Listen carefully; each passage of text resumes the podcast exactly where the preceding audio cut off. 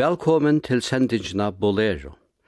Ja, så er det atur fatle mer i lot å spela gauan klassiskan tøvnløg for tikkun hisar fem sunnadeganar i oktobermanna. Og jeg kan av sånn sia at jeg ferdig å spela klassiskan tøvnløg i sendingina hese fer, tog jeg hava valgt at vi skulle lusta etter kamertøvnløgje ur såkallega klassiska tøyarskøynun som vi jo såleis rundt rokna atla at vera mittlen 1650 og 1815. Og vi fer at høyra tøvnløyk tja tøymon Simon høylt ståro fra hessen tøyarskøynon, nemlig Josef Heiden, Wolfgang Amadeus Mozart og Ludwig van Beethoven. Og vi letja fire vid i eldsta i røyne, Josef Heiden. Han levde fra 1632 til 1890. Heiden var esterrykare, og man sier at det var han som oppfann sonatoformen, studiekvartettina, og og klassiske symfoniene som vi kjenner henne fra Tøytøyerskøynen og i fyra satsen. Heiden arbeidde av en ekvelig større parst av Løyvesøynen som tøvnløykare og tøvnasmyr fyrir ryk og ungversk og Esterhazi-familiene og Torra Gøsse. Han hever skriva av fætlige nekvan tøvnløyk og kanne med den andre nevna at han hever skriva høylar 104 symfonier og høyde vi til glede at høyre okkara symfoniakastur framføra just hessa søgnaste symfoni hans herra fire vikosøyane. Og det var flott. Vi der færa vi til Tånlegalia at leggja fire vi at høyre fyrsta satsen ur klavertrio i Astor, som Heiden skriva i 1605. Det er franska trio vandrar, og vi færa spela henda fyrsta satsen fyrir okkon. Han hevur tempohøyde, allegro, moderato.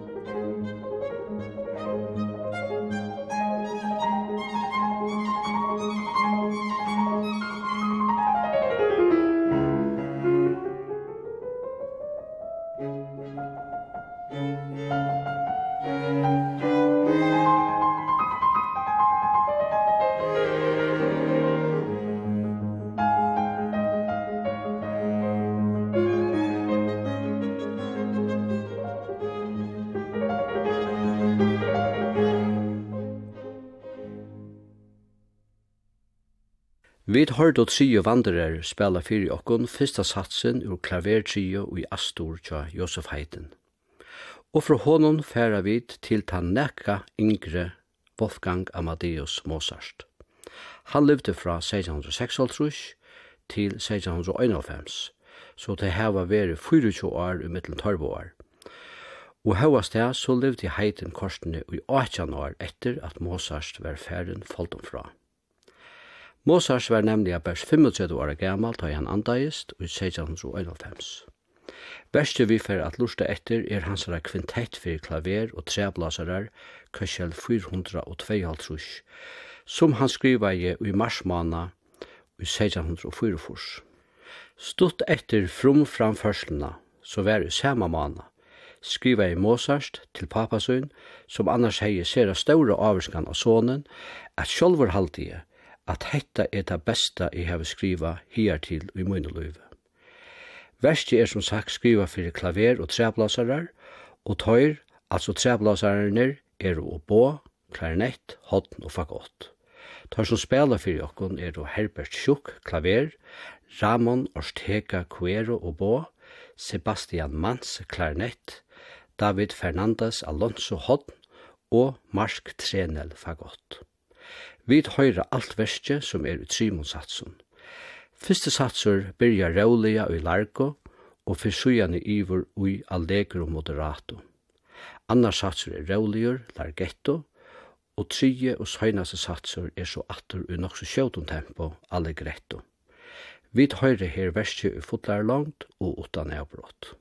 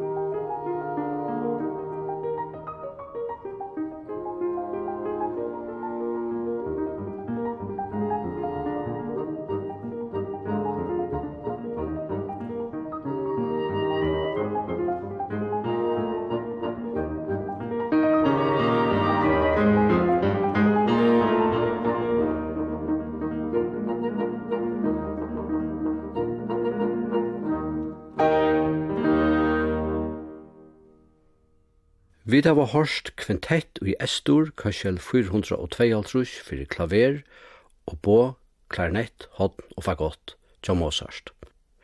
Og fra Mozart færa vi til tann yngsta i røyne av tøyman Holstauro fra hesen tøyarskøynon, vi nevna til vinerklassiska, nemlig Ludvig van Beethoven. Han var 14 år yngre enn Mozart, fødder i 1604, og deir i 1822. Vi honom kan man sija at håndløyger mentes negv, og fer alt møyre at pøyka fram i møte romantiska tøyarskøynun vi kom atana. Fra hans er hånd færa vi at høyra skertso satsen ur øynari av klavertrion hans er. Hetta er klavertrio i Bedur, opus 6,5, og han skriva i Lidna i 1811. Triojen, ans og fløyri onnur av verskum Beethovens er okna erska herstukanon Rudolf av Østerrydje. Hesen Rudolf var visst nok ein hampelig klaverløygare, viner Beethovens, og hei øysene studera komposisjon saman vi hånden. Og hernast hever han ivalest øysene veri en futjarlig stål tja Beethoven. Tryøyen er i fyra satsen, og vi tverre her at høyra annan sats som er en skertso. Skertso mersker at tøvnløkeren er skrivavur i trudaldar takt, Ofta er det latt og kanskje kjemtelitt. Og italska året skertso kan òsne bøynløys tujast til føreske året kjemt. Vi høyre her David Øystrak, triøyna spela satsen fyrir jokken.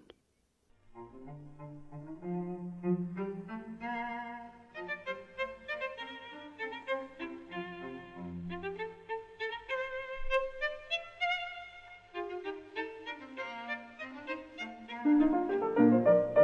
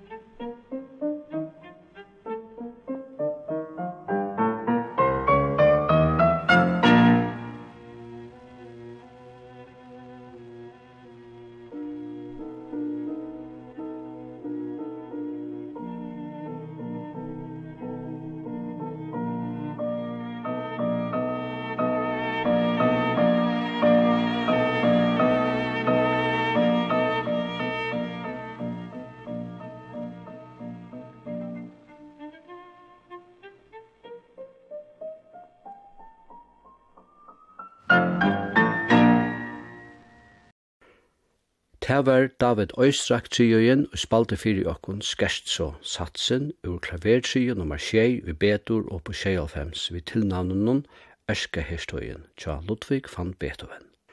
Sujane fyrir vi atur at høyra tånløg tja heiten. Som vi sier byrja vi i sendingene, så var heiten feiren til strudjekvartettina.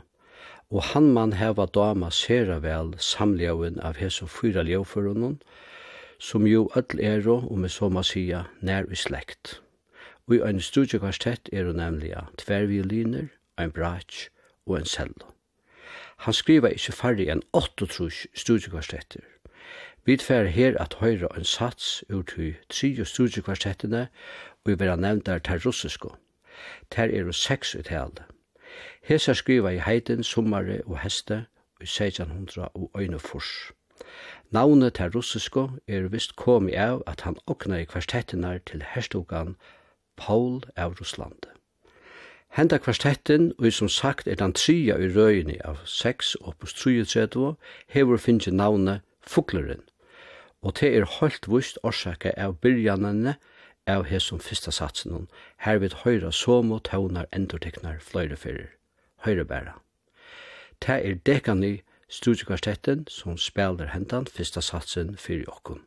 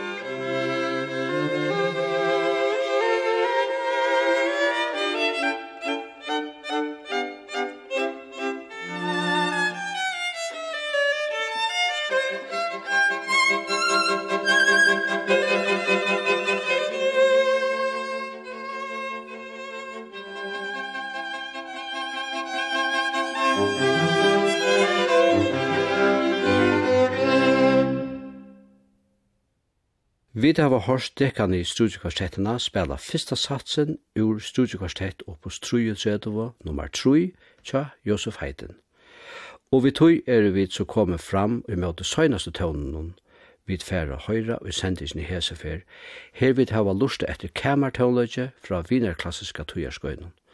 Og vi enda vi Beethoven og høyra fyrsta satsen ur klavertrio i Bedur opus 11 vi han skriva i 1696. Ljøførene her er klaver, klarinett og cello. Tei i spela er og Gervas de Pea, klarinett, Jacqueline Dupré, cello og Daniel Barenboim, klaver. Initiativ at lusta øyna for atter etter hese sendisene, så verer hon endursend i anna kvöld, manna kvölde klokkan 22 Det ber òsne til at høyra sendingen av netenon akkurat hva du vilt. Så først du bare inn og heimasynet til kringvarspenon kvf.fo framskak på lero og så finner du sendingen her. Teknikar i dag var Rune Esterløy og i øyde egen av lekene. Sendingen var atter kommande sunnedag. Takk for at du lytte av.